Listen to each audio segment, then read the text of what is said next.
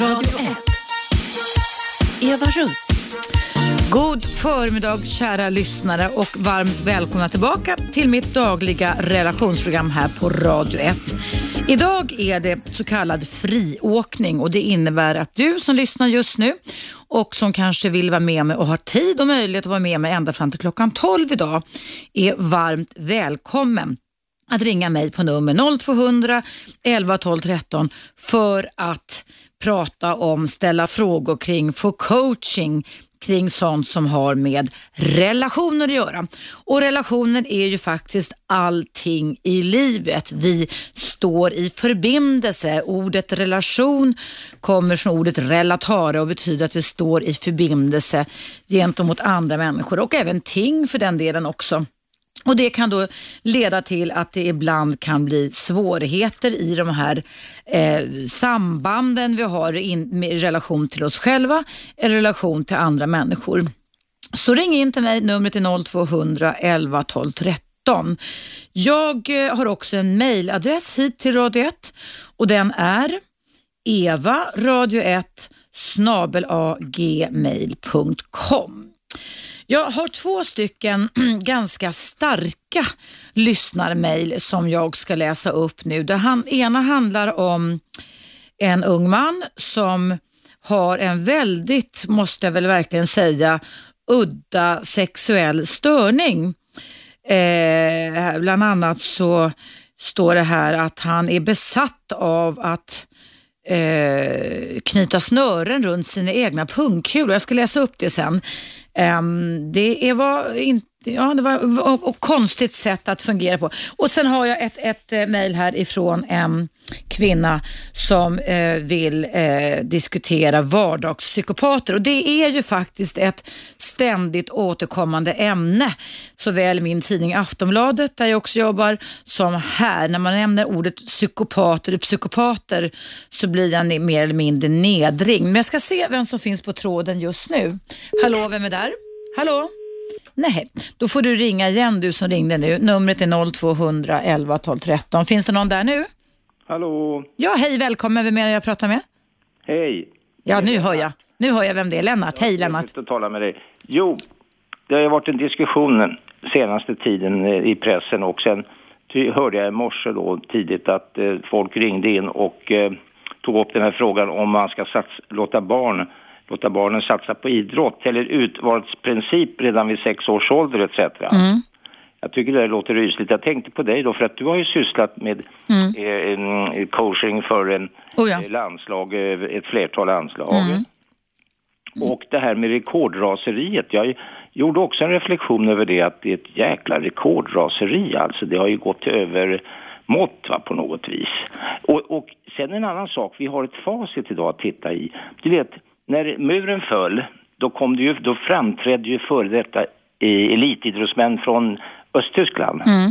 Och Östtyskland satsade enormt på idrotten, för det var ju ett skyltfönster utåt där man kunde täcka över de problem man hade inrikes, mm. så att säga. Mm. Och man tog ut, alltså man gjorde urvalsprincip i Östtyskland medicinskt och vetenskapligt, att man mätte fiberhalt, fibrerna i musklerna. Det där barnet som är fem sex år nu, den passar till långdistanslöpare. Och, den, och, och, det andra barnet där ska hålla på med sprinting, vet du. Mm, mm. Typ A och typ B-muskulatur som det heter. Ja, de, de gjorde massa fysiologiska tester på barn alltså. Och de blev mer eller mindre preparerade sen när de inte ens var fullt utvuxna om man säger, va? Mm. fysiologiskt. Då preparerar man med anabola steroider, man sprutade injicerade dem med massa jävla preparat vet du va.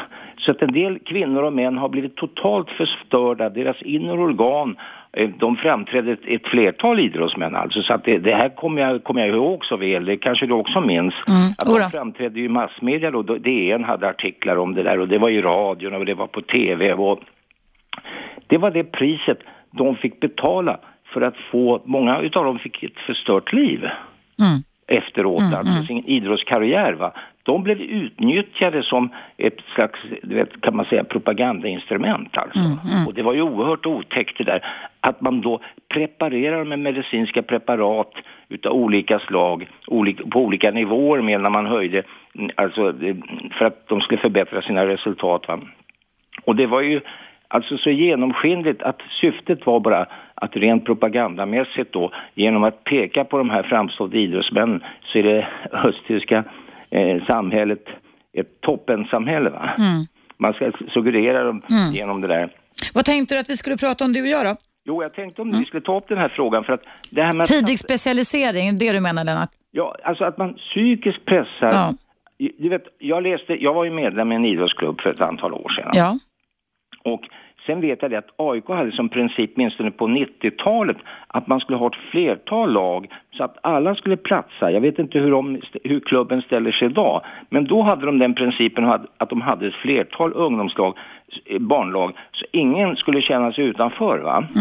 Då sa Gert i morse, vet du, jag hörde det då på honom, och då säger han så här, ja men eh, någonting med att han, den här killen som hade talang då, ville han spela med Tjocka Berra och, och, och Hängiga Lisa, det var någonting när han uttryckte så, jag vet inte ordagrant nu precis på ordet, men jag tycker det där är lite otäckt för att de här barnen då som blir gallrade eller bortgallrade, hur, hur mår de sen kan man fråga sig efter det. Får, jag skulle föreställa mig själv om jag var tio år eller någonting sånt där, om man inte fick vara med och spela längre i det laget. Jag, jag, kan, jag kan svara dig Lennart och till alla andras lyssnare också att jag gjorde, en gång i tiden så var det tänkt att jag skulle doktorera inom idrottspsykologi.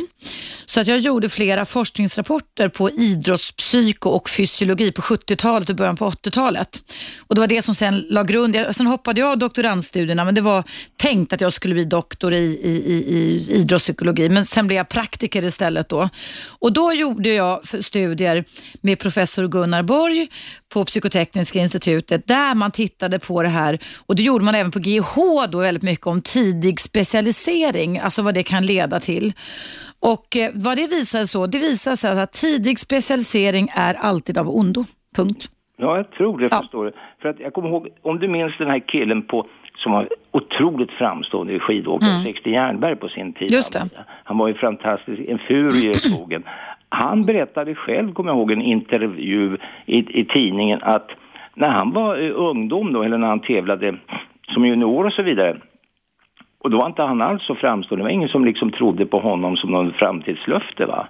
Men det, en del växer ju till sig liksom senare. Och jag menar, även barn då kan man inte bara peka på när de är 6-7 år att det här kommer Nej, bli men, men jag kan säga till dig Lennart och andra som lyssnar att jag gjorde en forskningsrapport som, där man kartlade eh, elitungdomar på SALK, alltså Stockholms allmänna tennisklubb, alltså där i Alvik. Och De var då mellan 7 och 15 år. Och resultaten, man kollade alltså psykofysiologiskt, hur pass mogna är de mentalt så att säga för att kunna uppfatta att de är trötta och vad resultaten bäst eller sämst innebär. Och Det visar sig ju klockrent att barn under 15 år, eller under 13 år har avsevärda svårigheter. De tänker inte, tänkandet är inte utvecklat på samma sätt som hos oss vuxna. De, kunde, de kan heller inte uppfatta riktigt för muskeltillväxten sker i olika etapper när man är liten. Va? Så att det kan innebära att driver man unga för hårt, precis som du säger, så kan de få skador för livet för de kan inte själva säga ifrån. De kanske inte törs det heller. Och de, väg- en 6-7-åring lägger inte samma värdering vid vinst som vi vuxna gör. Det, det är ett helt annat tänkande och det är väldigt, väldigt viktigt att ta hänsyn till. Så jag håller med dig Lennart att det är en vik- viktig fråga att lyfta fram. För barn har ju en annan impulskontroll. Jag menar ett barn som vinner en liten sån här, eh, idrottstävling då, eh, den, den blir ju oerhört glad, det förstår man ju, va. Men samtidigt så har ju de en annan form utav impulskontroll för att det där är ju en tillfälligt rus och sådär. De kan ju inte strukturera sig och se framtiden, planera sådär om tio år ska jag bli värd. De Nej, de tänker inte så. det. Det finns inte. Det, det, det, den typen. Så att det där tycker jag, och det vet jag att fortfarande så borde jag efterlyser alltid Lennart, alltså att var finns experterna? Varför är det ingen mer än jag, känns det som i Sverige, som säger ifrån när man har kunskap? Mm. Jo, Folk sitter och hukar och kan jättemycket kring det här, att det inte är lämpligt med tidig specialisering, men ingen träder fram och säger och försvarar det. Nej, du vet, det finns, det har ju varit några någon fotbollsspelare kommer jag ihåg, jag minns inte vem det var nu, men han gjorde bra, väldigt bra uttryck just där. Han, han menade på det att eh, så länge man är barn då så ska man testa olika idrotter och se vad som... Ja. För att det är bra om man kan testa och då kan man själv också känna för känslan. Absolut. Har jag, har jag talang för det här? Skulle jag, tyck, jag kanske har talang men jag kanske inte tycker det är roligt att hålla på med. Mm. Man ska ju hålla på det säger en del elitsimmare, så här, yngre flickor kommer jag ihåg, vet du, som var med i landslaget. Mm, va? det var mm, några mm. av tjejerna som slutade. Varför har du slutat simma nu? Du som har sån talang, du som är så duktig. Ja, men jag tycker inte det är roligt längre. Nej. Tycker Och det, är nu, roligt. nu måste vi ta en reklampaus Lennart, men det du säger är om man tittar på flera av våra framstående eh, idrottsmän i min ålder, 50, alltså 56 i den här gruppen, så, så var ju till exempel Björn Borg jätteduktig på andra sporter också, men sen när han var typ tonåring, det var då han började med specialiseringen. Och att man oftast har haft flera stycken olika grenar som man har, har svårt att välja och se vilken man är bäst på. Ja, visst. Och lekfullheten måste finnas med hos barn under 15 år. Det är förskräckligt med tidig specialisering och urval på det sättet. Det är väl, var det Hammarby, eller vilka är det som skulle dra igång det här urvalet, Lennart? Ja, det är väl tydligen vad de har riktat kritik mot har ju varit fokusering på Hammarby, men det är säkert flera andra klubbar Ja. va? som eh, eh, och, har det här tänkandet. Ja, nej, det, är- det, det, det är ett ålderdomligt tänkande. De borde ta reda på forskningsrapporter från nu och Ja, då. Titta på vad som hände i DDR, Östtyskland. Ja, nej, nej, var det blir, katastrof. Va? det blir inget bra. Nej. Nej, det blir inget bra. Och sen är, tycker jag barn, som du säger också, att de, man ska vara så kallad allround. Va? Mm. Jag håller ju på med idrotta för mitt höga nöjes skull. Mm. Jag, är, jag är ålderstigen då, vi är ju äldre. Och jag tycker det är stimulerande. Idrotten ska ju vara, det är lek och idrott. Och är man lite allround, då, då frigör man ju endorfiner och allt vad det Mm, heter. Va? Och då mår man ju bra. Och då blir det inte så ensidigt om man Nej. är lite allround och får syssla med Nej. idrott. Och, Du Lennart, jag måste sluta nu för vi måste ta lite reklampaus. Tack för ditt ämne idag. Ämne det där, för att jag tycker Ja, mycket, mycket bra. My, det är väldigt, väldigt bra. Tack snälla Lennart.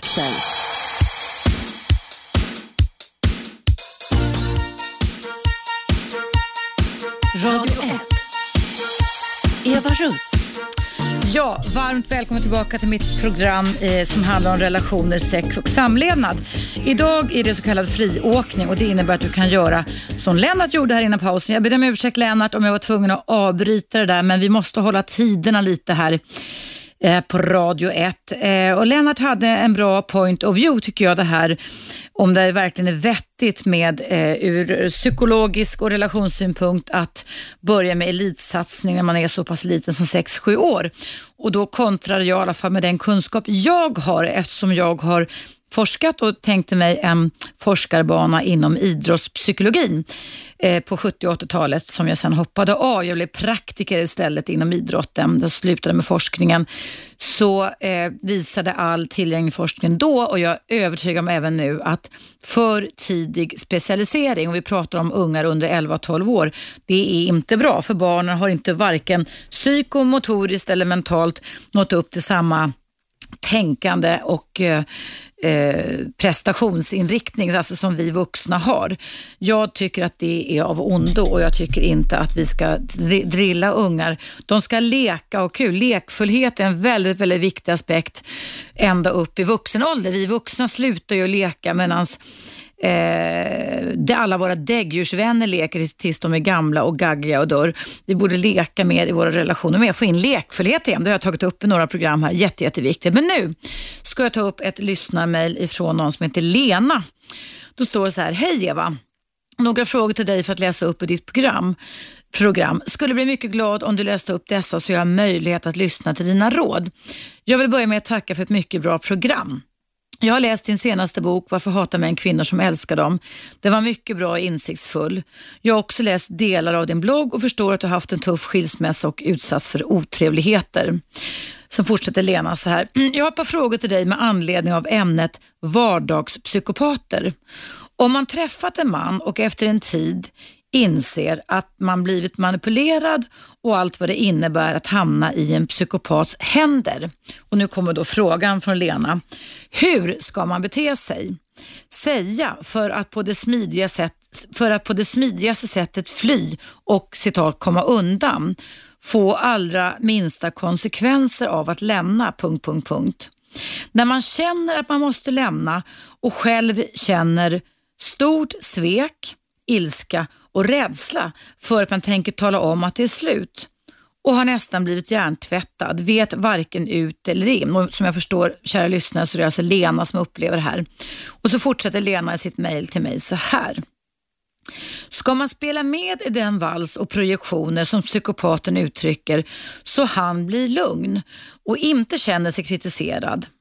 Eller ska man säga exakt vad man känner med risk att trigga igång ilska hos psykopaten som i sin tur kan leda till att bli utsatt för olika typer av otrevligheter eller hot? Det var den första frågan som Lena hade om vardagspsykopater. Ja, min sammanfatta, eller mitt sammanfattande råd till Lena och du som känner igen dig i det här, det är det att har umgås man med en person som har psykopatdrag så är de personerna sällan för, eller aldrig förändringsbara. Och Det innebär att de ständigt upprepar samma typ av oflexibla och rigida beteendemönster där de eh, ska njuta av att ha kontrollen över allt och över dig inte minst. Eh, det är många gånger lönlöst faktiskt, Lena, att eh, försöka ge feedback, alltså återkoppling till en psykopat. Eh, vi gör ju det eftersom vi hoppas och tror att de ska vara förnuftiga. För en psykopatdiagnos eller en vardagspsykopat är inte på något sätt ointelligent. Man kan vara hur eh, kunnig som helst inom sitt yrke. Man kan ha massvis, tonvis med akademiska poäng. Man kan eh, vara ledare för stora organisationer. Man kan eh, köra stora båtar. Man kan flyga stora flygplan. Man kan operera folk i hjärnan till. Man kan vara hjärnkirurg. Men man kan lik förbannat vara en vardagspsykopat eller en fullblodspsykopat. Så att psykopatologi det är inte någonting som försvinner och det är inte heller en sjukdom. Och Risken är precis som Lena skriver här att om man då ska ge återkoppling till en psykopat så kan risken den att man triggar igång dennes eh, ilska som i sin tur, som Lena skriver, då, kan leda till att bli utsatt för olika ty typer av otrevligheter eller hot. Jag tycker att det bästa egentligen är, det är att man läser på om hur sådana här personer, alltså vilka variationer av personlighetstyper det finns. Jag har tagit upp det i min senaste bok Varför hatar män kvinnor som älskar dem. Den kom ut i höstas. Och Där har jag också tagit upp Eh, ett antal diagnoser som man kan checka, i alla fall för sig själv, om man kan tycka att man känns igen. Och I boken har jag med fyra kvinnor som beskriver hur nyckfullt och konstigt och manipulativt och kontrollerande som de här männen de levde med betedde sig emot dem. Och de här kvinnorna gjorde, eller inte säga att Lena som har mejlat mig gjorde det, gjorde det felet att de blev både alltifrån medberoende till att de trodde att de skulle kunna förändra mannen och lidandet blev väldigt stort för de här kvinnorna. Så mitt råd är att ehm, eh, lägg ner det här försöken att försöka förändra en psykopat. Eh, se till att ta det därifrån. Eh, lägg benen på ryggen och gå långsamt därifrån. Eh, ingå inte i någon slags polemik. Se till att du har alla dina saker, ekonomi, nycklar, bilnycklar och allting sånt på din sida. Hämta hem ditt eget revir, för det är någonting som psykopater gärna tar över. Och eh, Jag tror att de minsta konsekvenserna som Lena efterlyser, det är att gå och eh, eh för i normala relationer, men man har inte en normal relation när man lever med en person som har psykopatdrag, så kan man ju berätta om hur man tänker och känner och hur det känns och varför man vill avsluta relationen. Men det funkar inte med sådana här personer. Eh, däremot så kan jag nästan garantera att en person som Lena beskriver här i mejlet kan göra allt, precis som hon skriver, att försöka manipulera. De kan experter på att lägga skuldkänslor på den andra personen. De kan till och med, med manipulera dina vänner och dina barn. Det finns inga skrupler, det finns inga hinder för hur en psykopat kan intervenera i ditt liv. Så därför gäller det alltså att tänka på hur ska jag göra för att kunna kliva ur, den här relationen oskadd, snabbt och aldrig mer igen. Så jag tycker att det är att um, Eh, om du har alla kriterier och bevis och fakta Lena på att den här personen är en eh, vardagspsykopat, då finns det liksom ingenting att terapeuta. En psykopat kan inte heller förändras i en psykoterapi. Ehm, jag har mött en del sådana personer i mitt terapirum när olyckliga kvinnor det är klart det finns psykopater hos kvinnor med, men jag har mött mest kvinnor då som har släpat med sig sina män till mig genom åren i hopp om att terapi skulle kunna förändra de här manipulerande och kontrollerande och svekfulla och grandiosa männen. Men eh, det har varit ganska hotfullt inne i terapirummet. Eh, jag har faktiskt flera gånger känt mig ganska rädd. Rädd eh, för den här typen av personlighetstyper. För det finns liksom, ibland upplevs det som inga, inga de, eh, eftersom de är skuld och skambefriade så finns det liksom inga hämningar för hur man kan gå igång i ilskan och vreden och hur man kan uttrycka sig hotfullt. En psykopat Eh, alltså en, en, en, person som har psykopatdrag har inga skuld eller skamkänslor. Däremot så kan de vara mästare på att spela empati, spelad empati och spelad sympati. Därför har de manipulativa beteenden som är en av kärnfaktorerna och har alltså brist på medkänsla, är väldigt grandiosa och eh, är väldigt hala och opolitliga i sitt sätt att relatera till den personen. Eh, så att, nej, eh, Gå därifrån, gör ingen affär och låt det inte lockas tillbaka. Många psykopater kan spela förändrade och säger att titta här, för, för att de vet exakt, de har lärt sig hur de ska kunna eh, uppföra sig för att eh, de ska bli godkända igen av sin motpart. Gå inte på det. Gå inte på det. För en psykopat, även en vardagspsykopat, förändras aldrig. Jag ska fortsätta kommentera Lenas lyssnarmail efter nyheten som kommer nu. Du lyssnar alltså på mig, Eva Russ. Jag är relationsexpert här på Radio 1, Sveriges nya pratradio. Frekvensen är 101,9 och numret till mig är, även i pausen som kommer nu, 0200 11 12 13. Och du är varmt välkommen att ringa in till mig om du har frågor kring relationer. Vi hörs alldeles strax igen.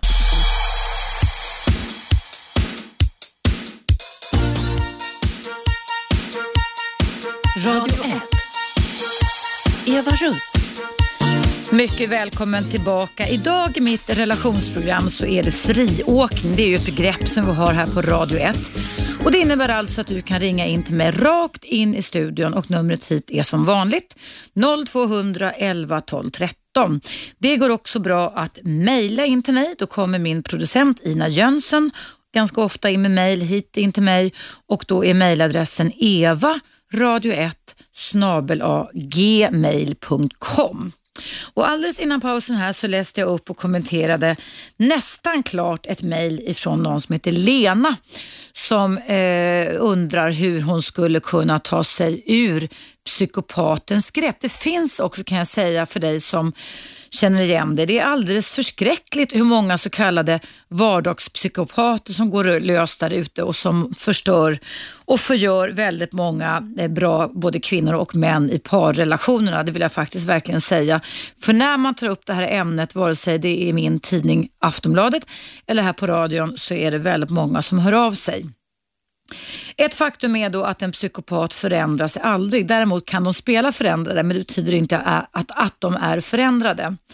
Och eh, Jag tror att det är ingen idé som Lena gör att ta upp en återkoppling och du sa si och jag sa så, utan ta det därifrån och hämta hem de saker. Se till att du är säkrad, skulle jag vilja säga.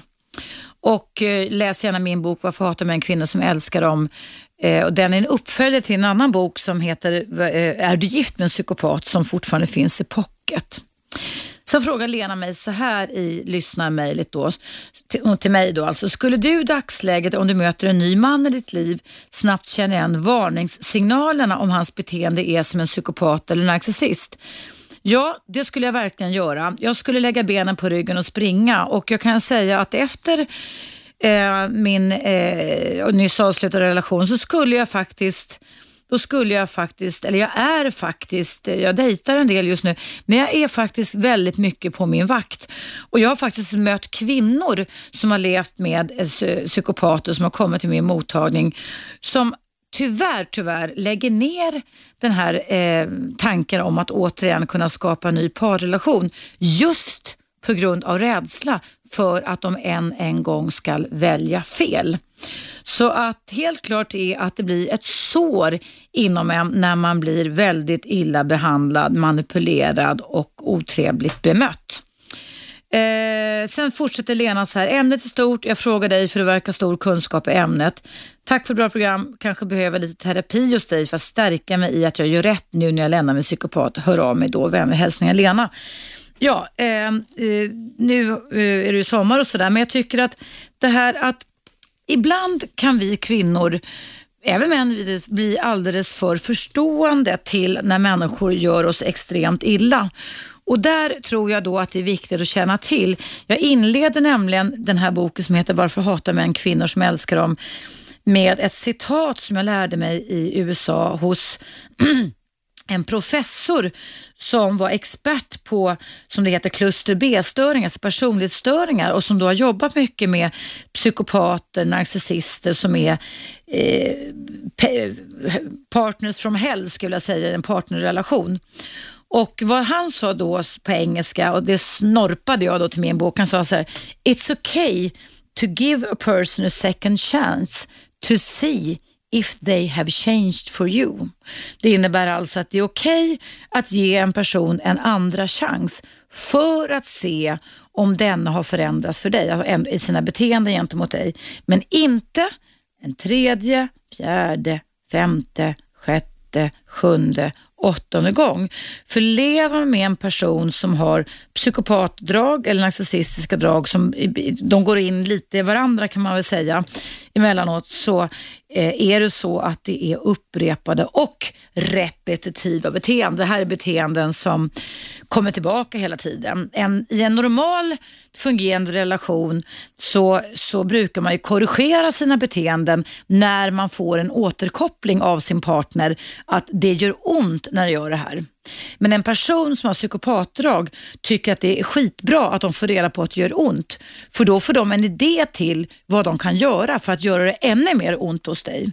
Så har du en gång sagt ifrån att det här är inte okej okay, och så kommer det beteendet tillbaka ännu värre, då ska du lägga benen på ryggen och springa. För då är det en person som inte har alla hästar hemma i hjärnan. Och Det är alltså inte en sjukdom utan det är en personlighetsstörning. Många diskuterar begreppet och det diskuteras genom år, århundraden. Det har fascinerat forskare och vetenskapsmän och poliser och kriminalare.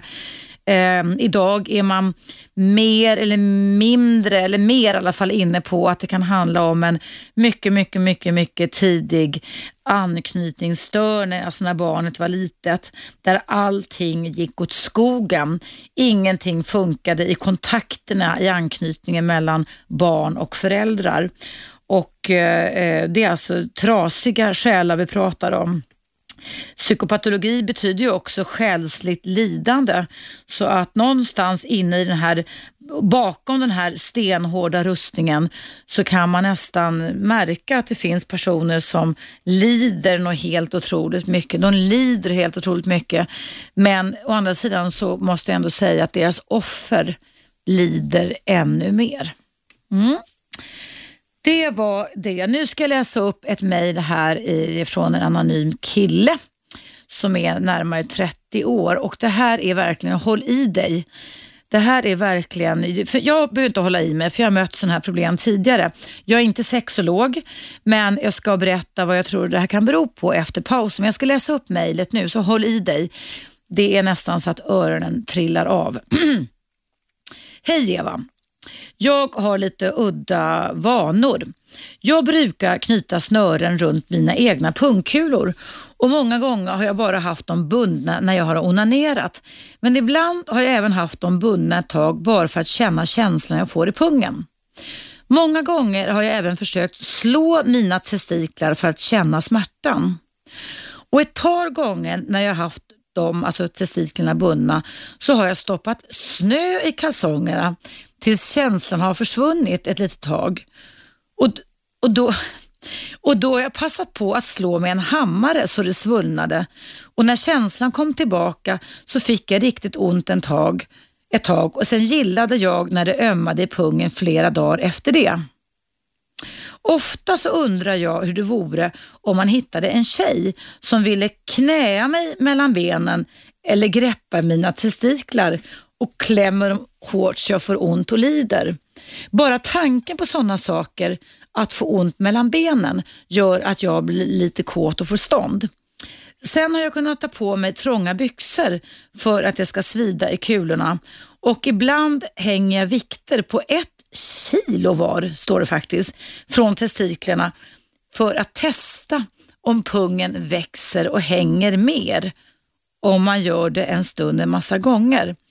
Och så kommer frågan då, borde man kastrera sig eller finns det sätt att lägga av med sådana saker? Ja, kära vän, stackars stackars dig, säger jag. Jag ska fundera på mitt svar efter pausen så kommer här.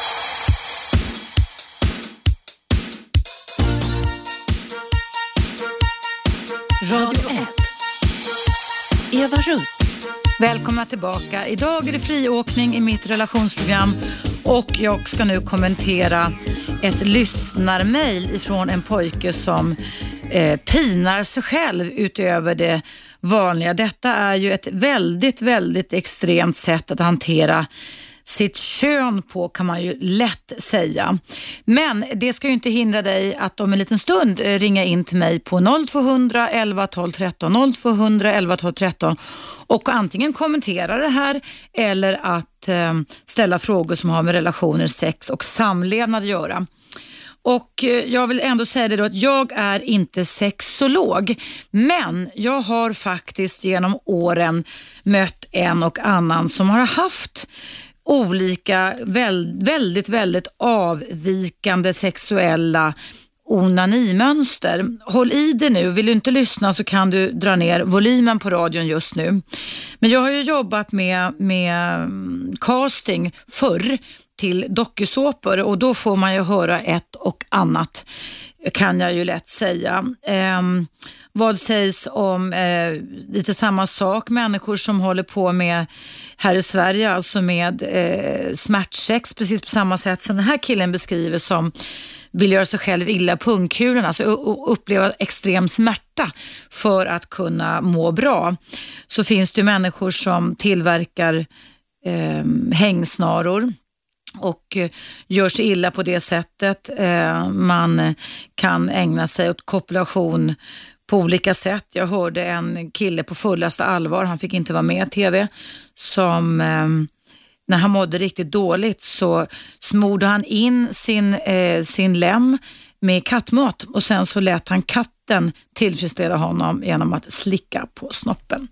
Det där tyckte inte vi var så kul när vi höll på att kasta så att han fick inte vara med. Men det finns ju också en känd man som heter Michael Hutchins som var gift med Bob Geldofs ehm, förra fru, tyvärr nu avliden av en överdos för ganska många år sedan, heter Paula Yates. Och den här Michael Hutchins, han hittades ju hängandes i Australien i en egenhändigt tillverkad strypsnara naken där man antar då, det här var väl säkert minst tio år sedan, att han hade haft sina slags strypsex för sig själv som hade gått så överstyr att det kanske då inte var meningen. Men själva poängen med detta var att det skulle göra ont. Och det är det som den här unga pojken skriver till mig också med, att han alltså gör allt vad han kan för att det ska göra väldigt, väldigt ont i pungen och i hans testiklar. Och varför gör man så då? Ja, eh, det finns ju flera olika förklaringar, men helt klart är ju det att den här personen, unge pojken, har ju ont i själen, inte bara i pungkulorna. Utan det här är ju faktiskt någonting som har med någon form av tvångsmässig Eh, försök att kunna återuppleva någonting som har gjort ont tidigare. Vad det är har jag ingen aning om för jag har inte pratat med den här unga pojken. Men nog är det ett extremt, må jag då säga, ett extremt sätt att hantera sig själv på. Att eh, han alltså onanerar, han ska uppleva lust, men sen så vill han alltså förhöja den här lusten genom att eh, knyta snören, alltså strypa blodtillförseln till sina egna pungkulor eller kyla ner dem så att känslan försvinner Och sen vet inte jag om jag ska skratta eller gråta när jag läser att han slår med en hammare så de svullnade. Det, det jag vet fasiken alltså om det här verkligen kan vara sant. Det, det här andra kan jag förstå för jag har mött något liknande som du hörde alldeles nyss.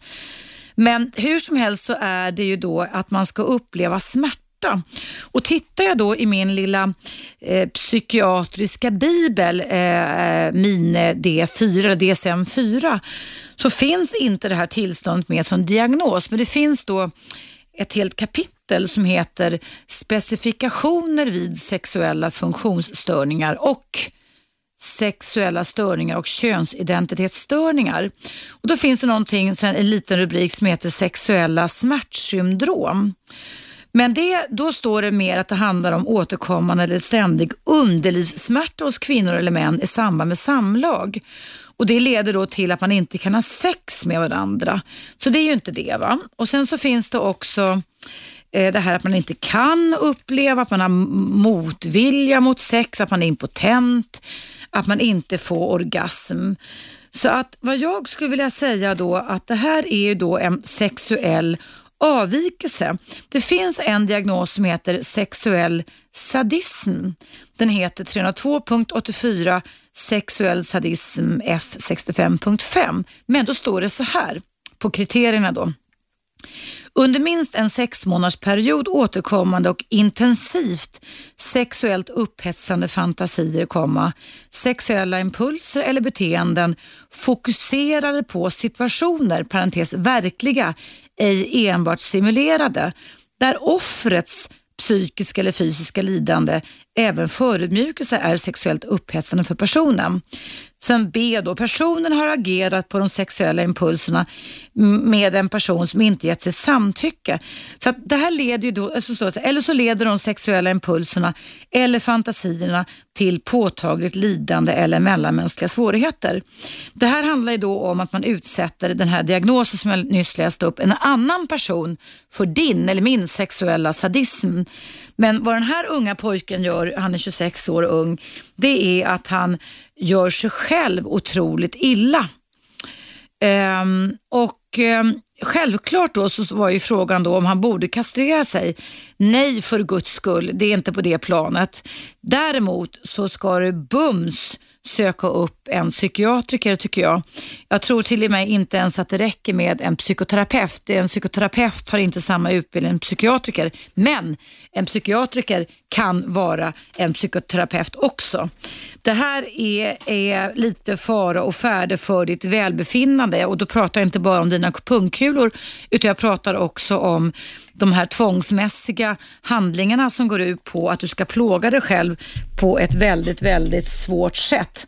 Så jag tycker att eh, sök hjälp min vän, sök hjälp. Det här är eh, fara och färde. Men det finns alltså många människor som pinar sig själva. Så jag hittar faktiskt då i min lilla bibel här ingen relaterad eh, eh, diagnos, men det finns en diagnos som heter sexuell avvikelse. Eh, då står det till exempel så här. Den här kategorin används vid sexuella avvikelser som inte uppfyller kriterierna för någon av de tidigare då specifika kategorierna. Lyssna nu, det här är intressant. Några exempel är det här har jag faktiskt aldrig hört. Jag tror inte du har hört det heller. Det står så här. Några exempel är telefonskatalogi. Telefonskatalogi katalogi. Vilket intressant namn, eller hur? Och Det är telefonterror med sexuellt innehåll. Eller nekrofili, döda kroppar, zoofili, ha sex med djur, koprofili med avfyring, klysmafili med lavemang eller urofili med urin. Så jag tror att den här unga pojkens diagnos, för det här tycker jag är en diagnos, är sexuell avvikelse UNS. Sök hjälp min vän. Eh, det här ska du inte gå omkring och hålla på med. Och Det handlar inte om kastration, men du håller ju på att bete dig som du håller på att kastrera dig själv. Vilka plågsamma åtgärder du håller på med med din. Jag undrar vad du min vän har varit med om Jan. Jag får tårar i ögonen när jag tänker på vad du har upplevt som barn. För det är självklart så att det finns kopplingar mellan det du gör mot dig själv och dina sexuella organ och vad du har varit med om som barn. Punkt. Mm. Nu kom Ina in med ett mail till mig och då står det så här. Hej! Angående dagens ämne om psykopater och narcissister. Det talas bara om män som psykopater. Finns det även kvinnliga psykopater? Frågetecken. Ja, det gör det. Men anledningen till varför man vet och tror, och det är faktiskt också sanning, att det finns lite fler män än kvinnor, det är därför att det är fler män än kvinnor rent statistiskt som begår grova brott. Och det är faktiskt ursprungligen för länge sedan inom eh, eh, fängelsemurarna som man då hade möjlighet och tid att kunna kartlägga psykopaterna, alltså de antisociala personlighetsstörningarnas psyken. Så väldigt mycket av, när man pratar om vardagspsykopater idag så finns det liksom ingen testbatteri till det, utan testbatterierna som är oändligt krångliga och oändligt svåra om man ska avgöra om en person är psykopat. Det kan inte jag heller egentligen göra. Det har man gjort alltså på människor som sitter bakom lås och bom. Och där är det då mer så att det är eh, män än kvinnor. Men självklart så finns det kvinnliga psykopater. Däremot så är det så att det finns, eh, och många pratar om det faktiskt, det finns en en diagnos, en personlighetsstörning som heter borderline personlighetsstörning och den har faktiskt kvinnor aningen mer än män. Den har döpts om numera till emotionell instabil personlighetsstörning och den kan faktiskt ha vissa ganska mycket symptom som är likna det här med psykopatologi. Inte, inte alla, men det kan likna det. Så att det, ibland kan de gå liksom in lite i varandra där, men som sagt, det det är svårt att generalisera det här. Men sen fortsätter Monica, skriver hon så här.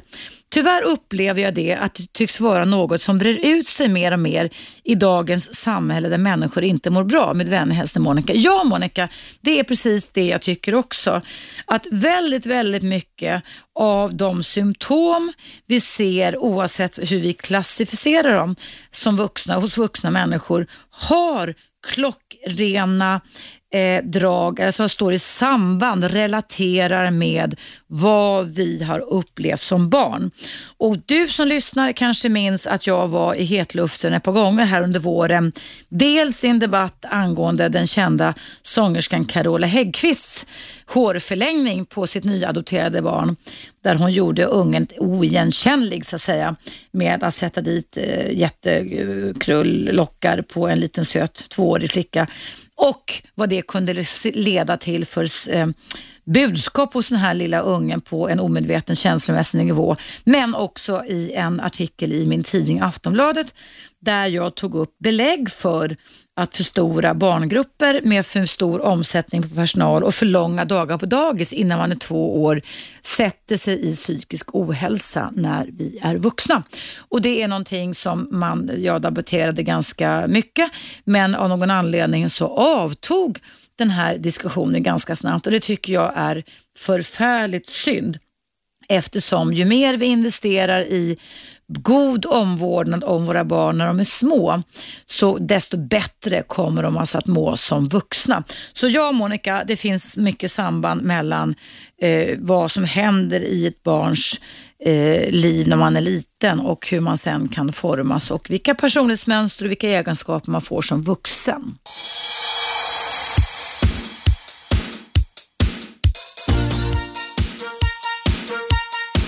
Radio 1.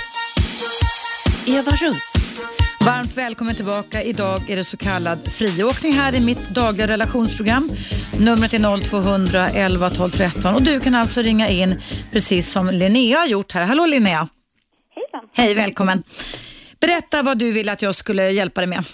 Jo, eh, jag hade ju funderingar angående föräldrarelationen till sina barn och att det alltid brukar framställas så att ja, men föräldrar har ju den här ovillkorliga kärleken. Barnen kan ju typ bete sig hur som helst och det är alltid så himla underbart och de är så himla gulliga och man kan ju nästan se det här hur frälsta de är och sådär. Och det är mm. jättefint för det är ju nästan så kanske det stödet man behöver som barn och när man växer upp att man alltid har den här, det här ovillkorliga stödet därifrån. Men då kommer ju också frågetecken upp till exempel eh, då som min kompis då att hennes föräldrar helt har klippt banden till henne. Eller inte tydligt så att uttalat, men då, han har inget intresse, han hör inte av sig. Pappa, Det- pappan är, gäller det alltså? Eller? Ja, Ja, precis. Och det, är liksom ingen, det finns inget intresse av en relation. Och eh, han svarar såklart på tilltal så att säga, men det är inget mer än det. Alltså, Du, hur, hur, när, hur gammal är din kompis? eh, vi är runt 20 nu. Ja, och när hände detta att det pappan skiftade beteende? Eh, några år sedan, alltså jag, är inte, jag vet inte exakt om det kanske Nej. hände mer än innan jag förstod det, men jag kan tänka mig när man är runt 18 år, alltså när, när hon inte längre behövde bo så här, växelvis boende, när man blir myndig så behöver man inte Mm, längre bo hos mm. sina föräldrar. Så där. Eh, och I och med det tror jag att det liksom uppdagades i alla fall tydligare. Det kan ju, har, har din kompis sagt någonting Linnea om vad hon själv tror eller vad hon har tänkt på att det skulle kunna härledas till att pappan ändrar beteendet? Nej, hon är, alltså, jag vet inte om han var den mest kärleksfulla pappan innan, men då fanns det i alla fall ett intresse att vara med i livet så sådant liksom. Men eh, jag vet faktiskt inte eh, om hon själv har tänkt på att det var så himla tydligt att just vid den tidpunkten, det kanske hände innan som hon märkte det. Men det enda som hon har tänkt på, hon har ju tänkt på det väldigt mycket såklart, för man känner sig ju, som hon beskriver, väldigt bortvald som barn liksom. Mm. Eh, så är det att kanske pappan själv inte är så känslomässig överhuvudtaget. Alltså han, han Mm. är kanske inte som en del och inte alla såklart, men sådär kärleksfull och mm, ja, framhäver sitt barn och sin familj. Utan han kanske är lite mer känslosamt avdämpad, men han är ju inte konstig. Nej, nej, nej. nej. Men jag, jag tänker, kan, jag, jag, jag ska bara säga vad jag tänker, för jag vet inte riktigt Linnea, men jag tänker så här. Ibland kan det ju vara ganska svårt för en förälder när barnet blir stort, alltså det här att man blir myndig och man flyttar hemifrån och så, så att man liksom någonstans kanske inte riktigt vet hur man ska relatera till barnet. Förstår du? Att den här lilla flickan blir en vacker mogen kvinna så att säga. Och man vet ju inte riktigt om det här kan vara, det här beteendet som din kompis pappa visar är grundat på till exempel osäkerhet. Förstår du? Alltså att han inte riktigt vet eller att han kanske går och tankeläser och tänker att nu är hon så vuxen så nu ligger du väl, nu behöver inte hon mig så mycket längre va? Nej, nej. Det kan, alltså jag bara säger, det kan ju vara en tänkbar orsak. Men jag tycker att du skulle kunna coacha din kompis och be att hon hade ett snack med sin pappa och, och säger vad hon skulle önska, inte anklaga, säga vad hon skulle önska. Eller hur hon skulle önska att deras relation skulle vara även nu när hon är stor så att säga. Ja, Hon har faktiskt haft det, för vi har pratat lite om det nu på senaste året och när det liksom har blivit mer aktuellt så att säga. Eh, och då har de pratat nu när hon kom till skott så att säga. Det är ju ändå en ganska stor grej att liksom sätta sig ner och om inte den andra är så himla intresserad så Verkligen, det är du- duktigt gjort tycker jag. Ja, det var verkligen duktigt gjort. Det tog mycket energi från henne såklart. Men jag vet inte riktigt, det blev nog inte så himla bra där heller. Alltså, Vad svarade pappan då, då Linnea? Ja, alltså som jag fick höra då eh, när hon berättade sen så hade han, han förstår, eller han säger att han förstår det är lite som du vet, du vet, man får svaret man vill ha men det ligger nog inte något tryck bakom det. Mm. Nej, Det jag förstår. Jag förstår säger också då, men jag förstår.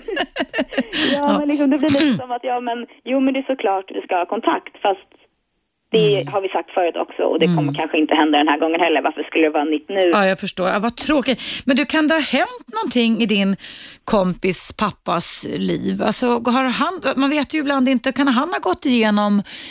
Barn föreställer sig ju alltid att föräldrarna alltid ska vara på samma sätt hela tiden och att de är stålmorsor och stålfarsor för oss, förstår du? Men det kan ju vara, kan han ha gått igenom någonting i sitt liv, jobb eller kärleksliv som kan ha påverkat hans avvikande och undvikande beteenden? Ja, jag vet inte. Alltså det, det ytliga, och det här är väldigt ytligt då, det lilla när vi kom in på det var att eh, min kompis då tror att hans, alltså hennes farmor då så att säga och farfar kanske inte var den mest kärleksfulla föräldrarna mot honom. Mm. Det är ofta så det, man, det går i arv, sociala arvet kallar man det för. Men varför, då, ja precis, men då är det ju konstigt, då blir det ju som en sjukdom, då är det ju nästan sagt att det ska smitta av sig på min vän också, fast nu har ju hon upptäckt det här, men Precis, där har du grejen Linnea. Att man kan stoppa det sociala arvet genom att man upptäcker. Och det, då kan det ju vara så att din kompis pappa inte har upptäckt och inte förstår vitsen och vinsten och inte vet hur han ska göra. Ja, men hjälper det att tjata då? Eller har man, har man liksom dåligt samvete som förälder? För även om man kanske inte känner det själv så måste jag ju tänka att som förälder så vet, alltså den sociala normen är att du ska vilja Ja, ja visst, visst. Det är svårt att säga eftersom jag inte har träffat pappan här, men jag tänker att eh, jag tycker att din kompis ska stå på sig, alltså försöka eh, trä, alltså förstår du rätt citat, tränga sig på pappan, alltså att kunna hålla, hålla i kontakten. Tyvärr blir det lite omvända roller då, att det är barnet som får söka upp sin pappa. Va? Mm.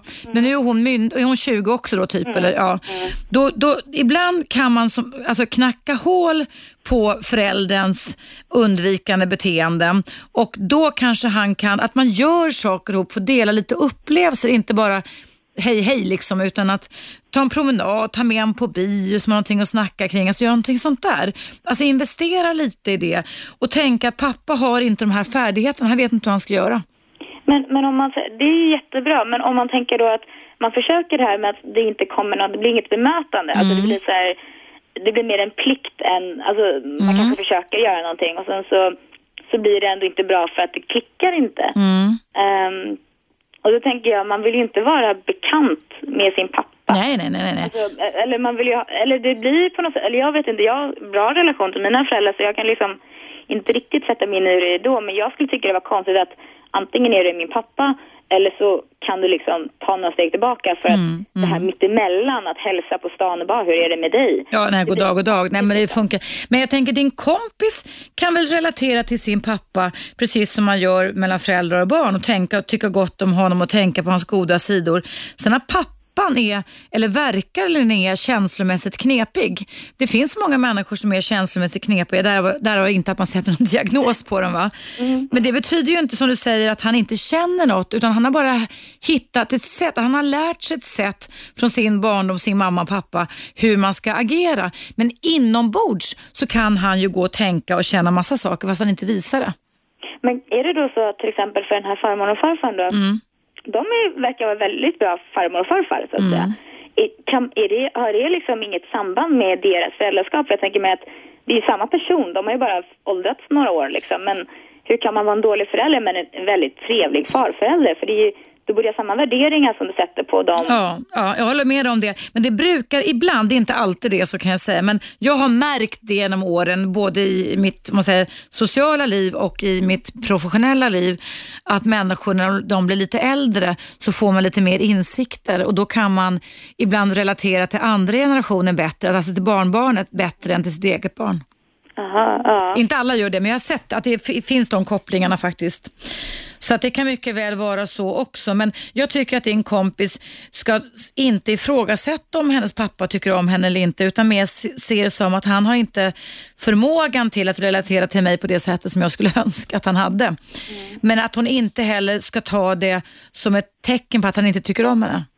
Förstår du? In, in, bakom det han inte visar så kan det finnas väldigt mycket tankeverksamhet. Ja, det var visa ord, det är sant.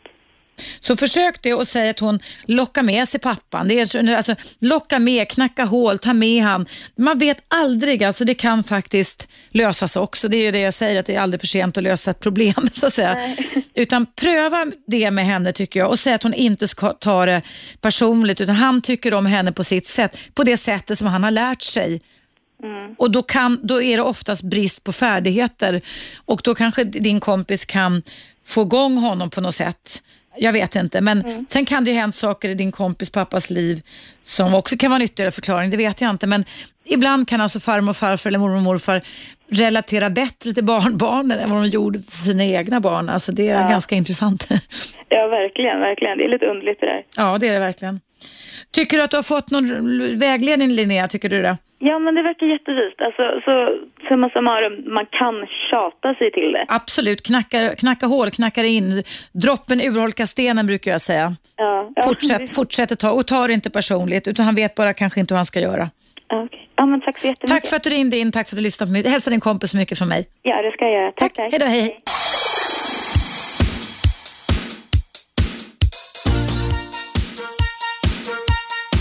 Radio 1. Eva Russ. Välkommen tillbaka. Idag är det så kallad friåkning i mitt dagliga relationsprogram och numret in till studion är 0200 11 12 13. Eh, jag kom in lite här idag på ett eh, lyssnarmail om sexuella avvikelser. Jag ska säga det då att jag är icke sexolog men jag är psykolog och psykoterapeut i två olika utbildningar och har stor erfarenhet. Så ingenting får mina öron att trilla av. Och därför så ska jag prata med Simon som ringde in här i pausen. Hej Simon! Hej, hej. Välkommen. Hur gammal är du Simon? Eh, 32. 32. Du hörde det här eh, programmet här idag om den här unga killen som var med om konstigheter. Du har själv varit med om konstigheter när du var liten. Berätta. Ja. Jag har varit eh, dammsugen av en grannfru som hade hand om mig när jag var liten. Och det här låter ju helt otroligt. Kan du berätta, i, alltså, hur blir man dammsugen? Hur gammal var du och varför blev du det och hur gick det till? Jag var väl tio år första gången det hände. Eh, jag fick klä av mig naken och lägga mig på golvet. Så dammsug hon över hela kroppen. Varför gjorde hon det? Kom det som en blixt från en klar himmel, Simon? Nej, men man kanske hade gjort något bus. Man så här, och, Så det skulle vara någon form av bestraffning så att säga? Så att grannfrun var typ din dagmamma kan man säga eller? Ja, ja, jag, jag, jag såg över också. Mina föräldrar var borta på resor. Ja, så du, hon skulle vara en trygg bas för dig kan man väl lätt tänka då. Ja, ja. Och, och eh, hur gick det till alltså? Jag har faktiskt aldrig hört något liknande. Du menar då att när hon uppfattade eller menade då från sin point of view att du gjort någonting dumt. ja. Vad, vad, vad sa hon till dig att du skulle göra då då Simon? Och du var tio år gammal? Ja, ung? då skulle jag eh, klä av mig på lägga mig naken på golvet och bli, bli dammsugen som straff. Det, det, alltså, så hon dammsög dig från topp till tå kan man säga. ja, precis. Det måste ha gjort väldigt ont. Ja, ibland så gjorde det det, ja. Det gjorde det. Var det sexuellt inriktat också på något sätt? Du var ju en liten pojke på tio år, men, men fanns det något, något sånt i hennes beteende? Jo, det kanske vi gjorde i och för sig. Om man säger så. Hur då? Det gjorde det väl. Man, för mig, när jag var 11, 12, så då, då fick man ju liksom en stånd och sådär. Mm. Och då gick det ju.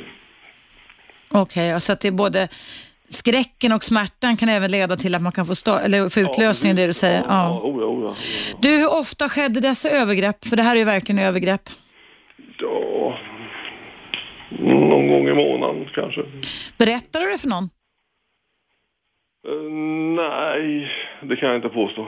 Jo, jag har ju haft kontakt med, ehm, eh, vad heter hon den här eh, som hade, eh, hon som var med i tv. Ehm, Malena? ja, precis. Male- min, min kollega på Aftonbladet, Malena Ivarsson. Ja. Vad fick du för hjälp där då? Ja, hon, han sa så hon hade aldrig hört talas om det så hon kunde inte hjälpa mig med, med det som. Mm.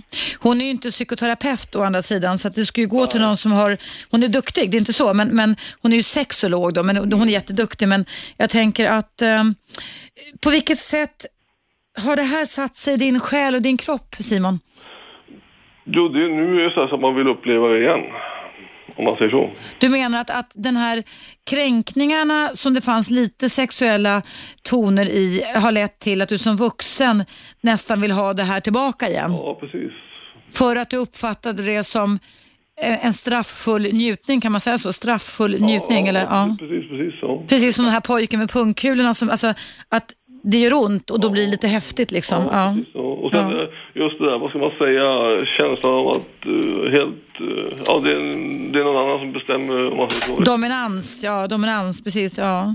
Det är ju så att, inte alltid ska man inte säga när man håller på med sexuella lekar som vuxen då, men att visst, visst är det så att vissa saker som är lite av, väl avvikande i alla fall, jag säger inte att dominans är det, men att det kan komma utifrån olika typer av upplevelser man har varit med om så att vi hamnar i någon slags tvångsmässigt repetitionstänkande och beteende. Ja, ja. Men du, får jag fråga en sak Simon? Ehm, du- du har aldrig funderat på att polisanmäla den här grannfrun då? Nej, det har jag faktiskt inte. Nej. Inte? Varför inte det? Nej, jag har aldrig tänkt den tanken om man säger så. Nej, för det här låter det här är ju verkligen skulle, nu vet jag inte med preskriptionstider och sådana saker, men har du kunnat ha haft ett, om man säger normalt sexliv, har du kunnat göra sexdebut? Eh, Tycker om flickor eller tycker om pojkar? Alltså kan du ha ett sexliv, Simon? Ja, det är ju flickor som jag gillar om man säger Ja, ja. Om man säger de, jag har nämnt det för någon som jag har varit tillsammans med. Ja. Men med alla, då ser ju de att det är jag som är en pervers person om man säger så liksom. I, eh, På vilket sätt skulle du vara pervers, Simon? Ja, men de menar just det att jag vill uppleva sånt där igen om man säger så. Okej, jag förstår. Då Ja. ses man inte som normal om man säger så. Nej, nej, nej, jag fattar. Nej, jag fattar. Alltså, vi har ju olika sätt att känna lust på och det har jag all respekt för att man kan hitta de mest konstiga, om man får säga så, sätt att kunna känna lust på. Va? Men, men vad jag tänker att du får ju gärna ha dominans i ditt sexliv hur mycket du vill Simon, men för min del som psykolog och psykoterapeut så tycker jag att det här låter, det för det första så är det, det är inte bara låter, det här är ett eh, sexuellt övergrepp. Va? Fängelsestraff för grannfrun tycker jag, va? även om det var länge sedan. Men rent terapeutiskt så är detta ett övergreppstraumata för din del. Det är ett traumata. Och där tycker jag, oavsett hur du vill fortsätta ditt sexliv, dina sexlekar, att du borde söka hjälp och du borde få en jag har tagit upp det många gånger i mitt program, en trauma traumainriktad behandling. För jag kan tänka mig, Simon, att det måste ha varit ett sammelsurium av en mängd olika maktlöshets och hjälplöshets och skräcktankar och känslor när du var som liten pojke och fick ligga på golvet. Eller hur? Det måste ha varit en förskräckligt utsatt situation. Men, men du tror att man kan få bort det där vad tanken om man säger så? Ja, det kan du få. va. Men sen om du vill ha, man kan ju leka sexlivet och alltså, någon är dominant och någon är underordnad. Sådär. Det är inga konstigheter. Vi har olika sätt där vi kan ha lite rollspel och sånt. va. Men i och med att det är förknippat med ett övergreppstraumata Simon, så tycker jag att du, det här är ingenting att skämmas över att du ska gå till, eh, till- oftast är det ju så att vi måste då köa hos våra husdoktorer så att säga. Och berätta, du kan även berätta att du pratar med mig om det här eh, och säga att du skulle vilja ha en remiss till en psykiatriker eller någon som jobbar med traumabehandling. Det finns ju, jag vet inte om du har hört på mitt program förut, har du gjort det eller? Jag, jag frågar, måste jag då om man säger, säga till läkaren varför eller? Ja, men det de vet att de, läkare har också varit med om mycket. De, också, de har inte heller öron som trillar av, jag lovar dig. Alltså. Det är ingenting att skämmas för, för du, är helt, du har inte medverkat till detta på något sätt Simon. Men liksom, man kan inte be att få det utan, utan att begära säga var, varför. Ja, du kan ju försöka. Du kan ju säga eh, att du mår jätte, jätte psykiskt dåligt. Men vad jag är ute efter är att du ska hitta någon som jobbar med traumata. Det, eller alla gör väl det mer eller mindre, men det finns en traumabehandlingsmetod som jag har nämnt flera gånger här som heter EMDR som är alltså en ögonrörelseterapi som till exempel finns på Danderyds sjukhus. Alltså det är en riktigt, riktigt väl, väl, verksam och bra traumabehandlingsmetod som just på den här typen av övergrepp, man jobbar med sånt på Uppsala Akademiska sjukhus också. Kerstin Johannesson skulle kunna googla på och prata med och hälsa från mig. Kerstin Johannesson, hon håller den här och hon har jobbat med grupp, alltså du ska inte ha någon gruppterapi, inte det jag säger, men att få hjälp med detta, va? jag tycker du ska göra det Simon, jag tycker det. Ja, ja. Ja, men jag ska försöka med. Så kan du väl höra av dig till mig sen och berätta hur det går. Och sen en sak till med det med, som du pratade om barn och barngrupper och sånt där. Ja. Fortsätt kämpa för det här. Att de ska få det bättre. Eller hur? Visst, visst är det viktigt. Vad gulligt av dig Simon. Tack så jättemycket för din öppenhet och hoppas att det går bra. Men skaffa dig en remiss så att du kan få hjälp mot detta, okej? Det ska jag försöka. Tack för din öppenhet. Ha det bra. Hej, hej. Ja, det var alltså Simon som har varit med om något så fruktansvärt. Kan du tänka dig vilka övergrepp? Den här grannfrun borde sitta bakom lås och bom, anser jag. Det var eh, stackars dig Simon, men du det finns hjälp, det finns bot. Du ska inte behöva gå omkring och må dåligt. Och oavsett som sagt vad, hur du vill idka sex så är detta ett traumata. Ett traumata, ett övergreppstraumata. Det kan man få hjälp mot till och med om det har gått 20, 30, 40 år. Jag har behandlat sådana patienter. Så går det faktiskt i alla fall att känslomässigt kunna må lite bättre. Få distans till det upplevda och inte minst räta upp sin sårade självkänsla och sina antaganden som oftast kommer automatiskt kring att jag är en hjälplös eller maktlös eller svag person. Jag säger inte att Simon har tänkt så, men jag vet att det är ganska klassiska eh, antaganden som personer som är utsatta för traumat kan göra. Och det var inte deras fel. Det kan man träna bort i en terapi och med den här ögonrörelseterapin EMDR.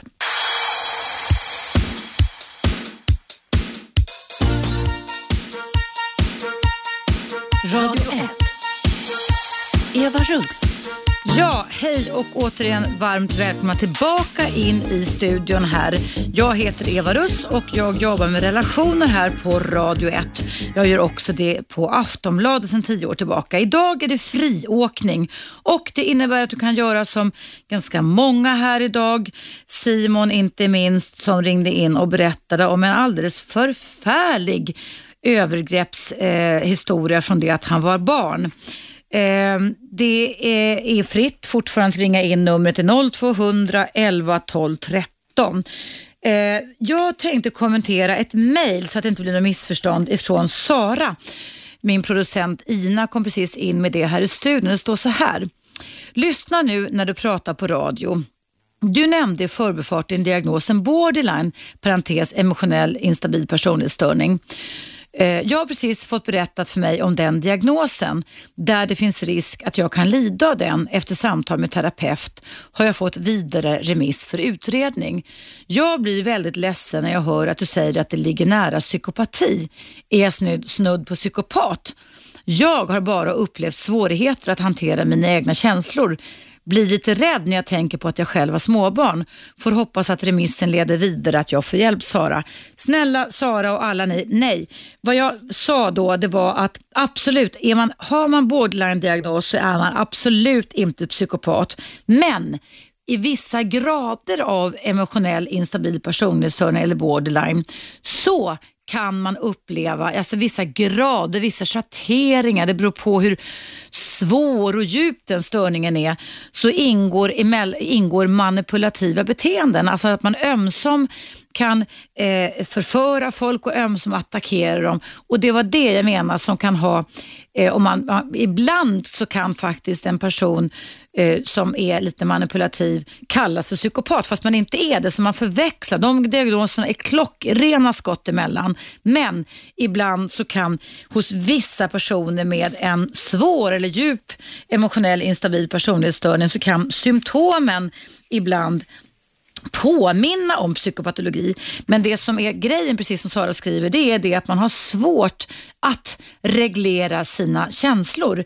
Och då blir det ibland lite huller om buller, lite ryckigt. Men när man är, har en borderline eller emotionell instabil personlighetsstörning, då känner man ju väldigt mycket. En psykopat känner ju ingenting. De har stängt av sina känslor. Utan vad jag menade det var att det kan vara i vissa några enstaka beteenden. Så snälla du Sara, ta det lugnt och jag kan trösta dig med Sara. Jag har jobbat med väldigt många människor, framförallt tjejer som har haft diagnosen, den gamla diagnosen då borderline personlighetsstörning och det är merparten av dem har kunnat bli i princip fria ifrån den typen av belastning som den störningen faktiskt kan ge. Det är ett idogt tränande i psykoterapi. Jag ska själv åka till USA i sommar och gå på kurs hos eh, den kvinna i, i världen i USA som har uppfunnit en väldigt bra psykoterapeutisk behandlingsmetod mot just borderline eller emotionell instabil personlighetsstörning. Den heter DBT och det står det en förkortning för dialektisk beteendeterapi, DBT. Det finns också här i Stockholm på många ställen. Jag minns att jag hade en ung man här under våren som ringde in till mitt radioprogram här på Radio 1 och berättade att han hade varit eh, kriminell, alltså betett, eh, begått en väldig massa brott under hela sin tonårstid och vuxentid. Men när han väl hamnade bakom lås och bom så fick han grupp-DBT, för där kom man fram till att orsaken bakom hans beteenden var en form av borderline personlighetsstörning.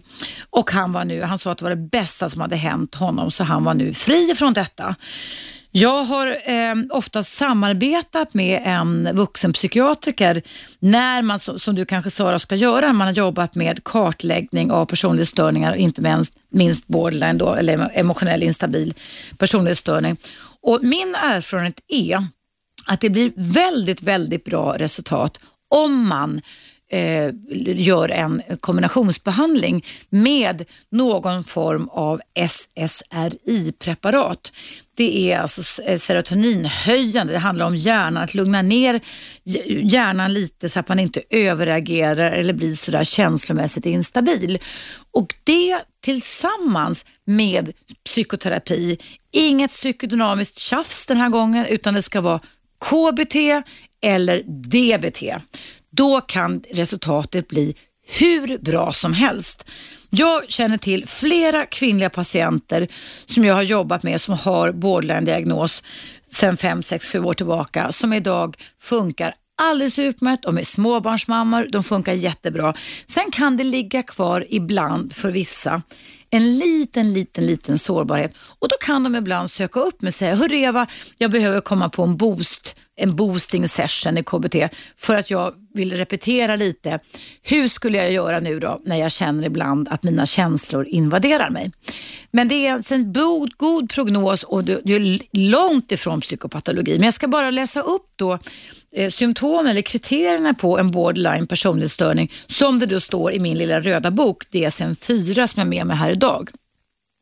Då står det så här på borderline ett genomgående mönster av påtaglig impulsivitet samt instabilitet med avseende på mellanmänskliga relationer, självbild och affekter.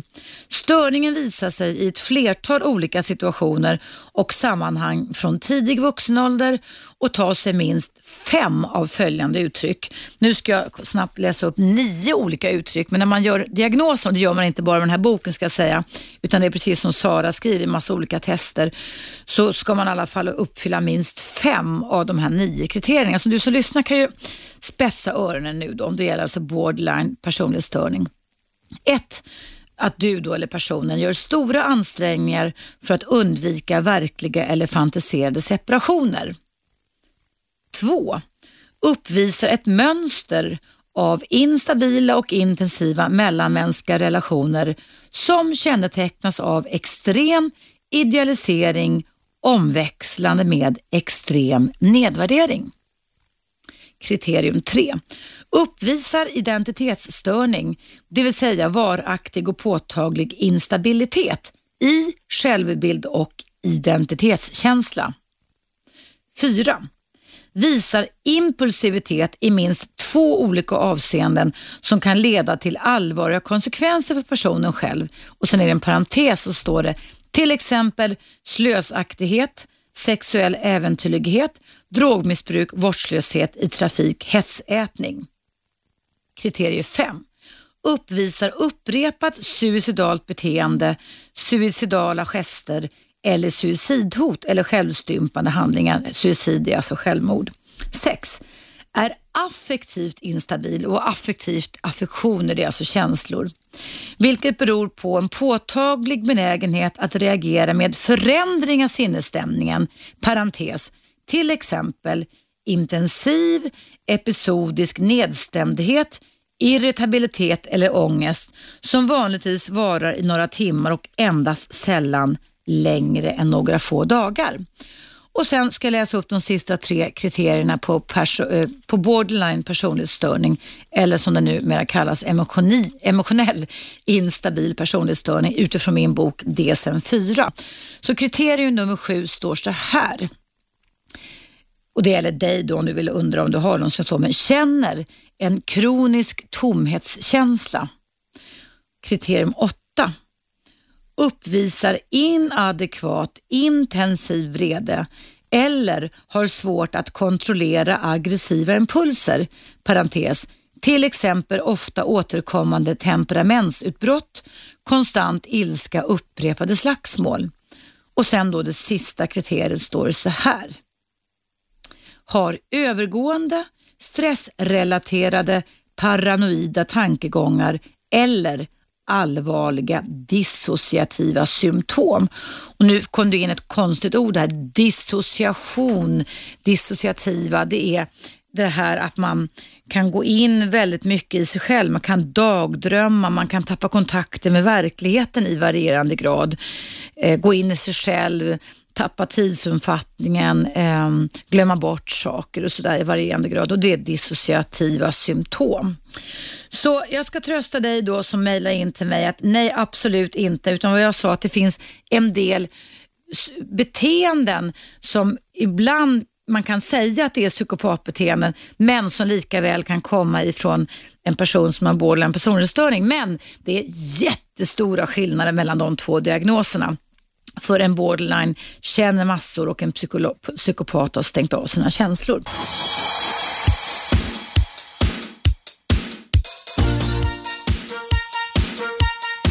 Radio 1.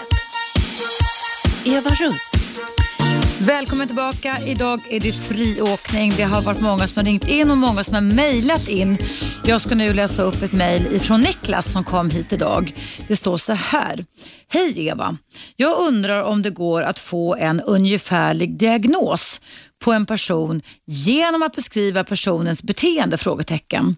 Denna person är en kvinna som var tillsammans med en kompis till mig och jag råkar även känna denna kvinna, eller rättare sagt trodde jag kände denna kvinna, pratar alltid om sig själv. Jaha, nu börjar vi med symptomen. Denna kvinna pratar alltid om sig själv, håller aldrig med om vad andra säger, klarar inte av någon kritik, får vredesutbrott, klankar ner på sin partner och pratar öppet om dess brister, otrogen åtskilliga gånger, sätter alltid sig själv i offerposition, har även bra sidor men känns som tillgjorda. Och sen frågar Niklas då, är detta en narcissist eller psykopat tror du?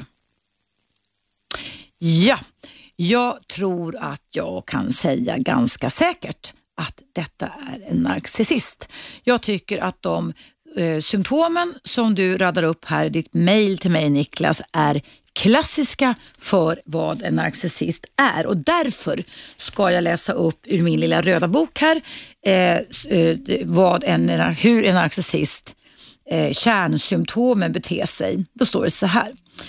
Ett genomgående mönster av grandiositet, behov av att bli beundrad och brist på empati. Störningen visar sig i ett flertal olika situationer och sammanhang från tidig vuxen ålder och tar sig minst fem av följande uttryck. Nu är det återigen då nio uttryck så jag rabblar dem ganska fort här. 1. Om narcissister har en grandios känsla av att vara en betydande person, till exempel överdriver talanger och framgångar, förväntar sig att bli behandlad som höjd över mängden utan att genom sina gärningar ha gjort sig förtjänt av det. 2 är upptagen av fantasier om obegränsad framgång, makt, glansfullhet, skönhet eller fulländad kärlek. 3. Tror sig vara en speciell och unik person som bör söka sig till eller bara kan bli förstådd av andra personer som är speciella eller har hög status. 4. Kräver ett övermått av beundran.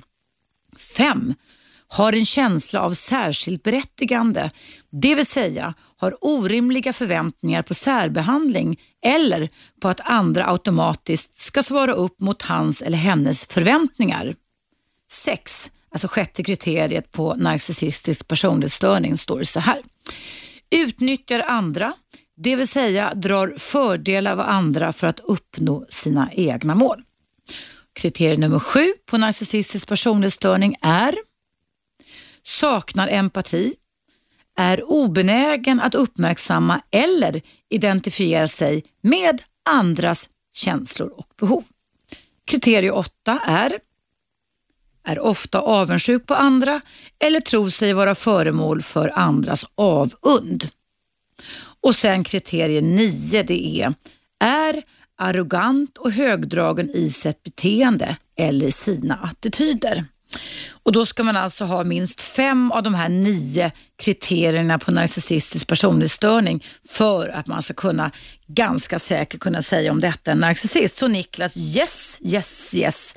Det är faktiskt så att det här är det och eh, googlar du på detta på nätet så kan man eh, få många personers berättelser. Jag vet till exempel att i Finland där mina böcker om psykopater ges ut och säljs med stor framgång, de är alltså översatta till finska, så finns det en förening för eh, narcissisternas och psykopaternas offer.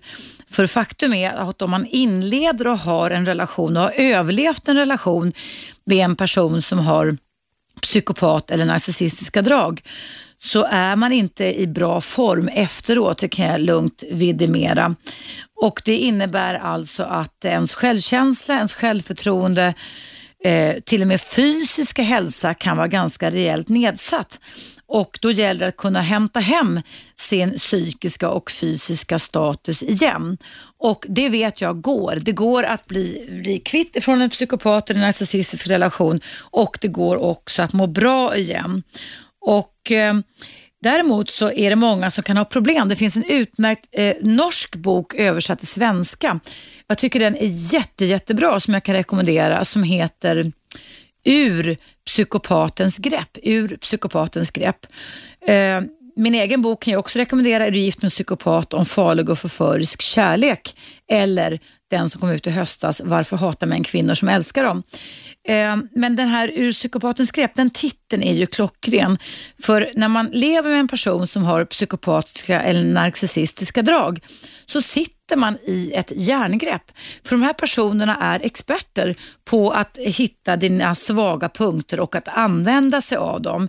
De är experter på att manipulera, de är experter på att kunna ge dig som lever med dem i en parrelation dåligt samvete och skuldkänslor. De använder sig av det som man använder inom den psykodynamiska terapin eller synen inom psykologin på att man projicerar, så man förlägger på en annan person en väldig massa andra saker. Själva är de totalt skuldfria. Skuld och skamfria. Det, dina känslor och dina känslomässiga behov berör de inte ryggen. Inte ryggen. De kan gå över lik om de är ute efter din skalp. Eh, så att eh, lägg benen på ryggen och spring. Läs eh, eh, psykopater och även narcissister kan alltså funka i vardagen, men inte i kärleksfulla relationer. Det finns ingen kärlek där. Det är spelade känslor, det är spelade beteenden. Eh, man, får, man kan ibland få rollen som lakej åt en sån här person och de är, precis som Niklas skrev här, synnerligen manipulativa och opolitliga. Sen i Niklas fråga här om man är otrogen åtskilliga gånger så kan ju det ha att göra just med de här kriterierna på ett berättigande. Man är grandios, man har rätt att göra. Jag, här kommer jag, titta här, bered en väg för Herran kan man ibland tycka kring narcissistiska personer. Eh, att de ska mötas och de, för, de tror också också att de ska mötas av ett extremt mycket respekt och beundran och kan bli totalt galna när de inte möts av detta. Det är en seg personlighetsstörning och har de bestämt sig att de ska ha dig eller vinna dig så ger de inte upp i första taget. Det kan jag själv faktiskt upplevt i mitt privatliv. Men som sagt, läs på män och kvinnor där ute. Om du misstänker att någon person har den här typen av personlighetsstörning, läs på för kunskap är faktiskt makt. Och eh, tro inte att det går att terapeuta, det tar min senaste bok upp, folk som har narcissistiska eller psykopatiska drag. De eh, bara förstör och förgör, både i terapirummet, mellan dig och din terapeut och i ditt eget liv. Så eh, känn inte efter så mycket utan använd ditt förnuft och slå ner klacken i mark, mark, marken i backen och säg no way, det här, så här, det här, den här behandlingen tar jag inte emot. Och även personer som har psykopat och narcissistiska drag har en tendens till, som jag sa inledningsvis, eller mitt i programmet, det här att upprepa samma beteenden hela tiden. Och det är just det som är kriterierna när vi pratar om personlighetsstörningar. Att det utmärkande är att det är samma rigida och oflexibla tanke, känslo och beteendemässiga modeller år efter år. Så alltså en personlighetsstörning är ingen sjukdom, det är ingen smitta, det är inget virus, utan det är någonting som ständigt går igen och som ständigt upprepas Och där man i och för sig med ordens bekännelser kan möta en person som säger ja, jag har insikt, ja, jag vill ska förändra mig, jag förstår hur du känner det. Men om de sen då efter någon vecka upprepar de här beteendena, då är det ett tecken på att det finns ingen empati. Och empati är en av de viktigaste mellanmänskliga egenskaperna i relationer. Utan empati kan vi inte fungera. Medkänsla är superviktig och det har då personer, definitivt inte som är psykopater och vissa, eller många narcissister, eller nästan alla, vill inte dra alla över en kam, saknar också empati. Men de har lärt sig att spela empatiska. Så se upp där ute när ni ska gå in i en kärleksrelation. Det är a waste of time och eh, det kan vara extremt nedbrytande att um, träffa en sån person. Ta fram manualen, googla på nätet så att du inte hamnar i fel eh, relation helt enkelt. Ja, kära lyssnare, det var ett intensivt program med många avvikande frågor kan man väl säga idag. Om du som lyssnar på det här programmet vill höra det i repris så går det bra ikväll klockan 22.00. Men du kan också alltid lyssna via Radio 1 Play på webben och, och det finns ju också gratis app numera som du kan ladda ner där du kan ha eh, en bild på mig och mitt program i örat när helst du önskar. Det är väl en jättebra uppfinning tycker jag. Men nu är det dags för mig att sätta punkt. Tack så jättemycket för att du har lyssnat och för att du har ringt in och mejlat mig. Och du vet väl att du kan dygnet runt ringa in till Radio 1s telefonsvarare där numret är 0200 11 12 12 och berätta saker som jag kan ta upp i mitt relationsprogram. Så jag önskar dig en trevlig helg och hoppas att vi hörs igen nästa vecka. Ha det bra. 101,9 Radio 1 Sveriges nya pratradio.